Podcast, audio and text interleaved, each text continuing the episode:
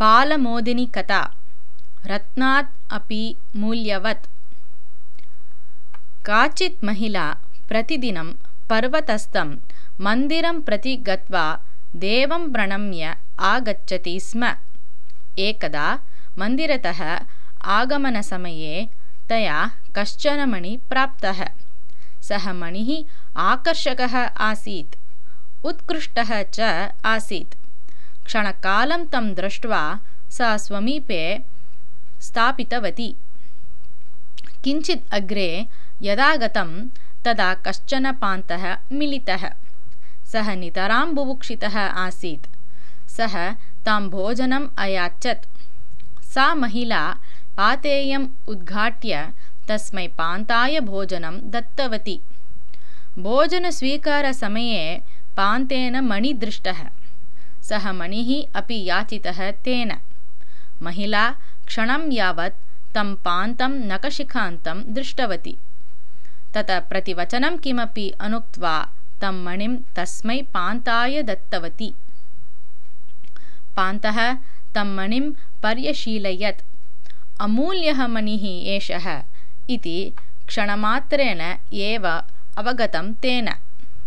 एतस्य विक्रयणं कृतं चेत् प्रभूतं धनं लभ्येत।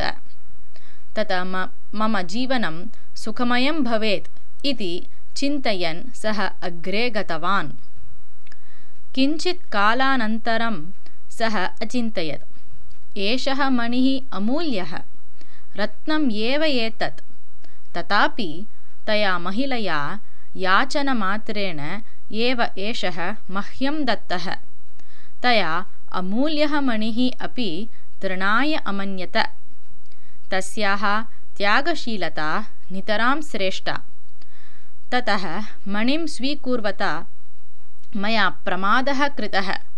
अहं तस्याः पुरतः कुब्जः इव अभवम् इति। ततः सः धावन् तस्याः महिलायाः समीपं गत्वा तां प्रणम्य आर्ये अमूल्यं रत्नम् एव भवती निर्व्यामोहं मह्यं दत्तवती। लोभेन मया तत् स्वीकृतम् अपि।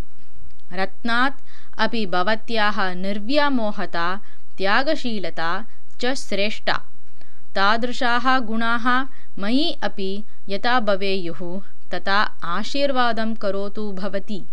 एषः मणिः मास्तु मम इति अवदत्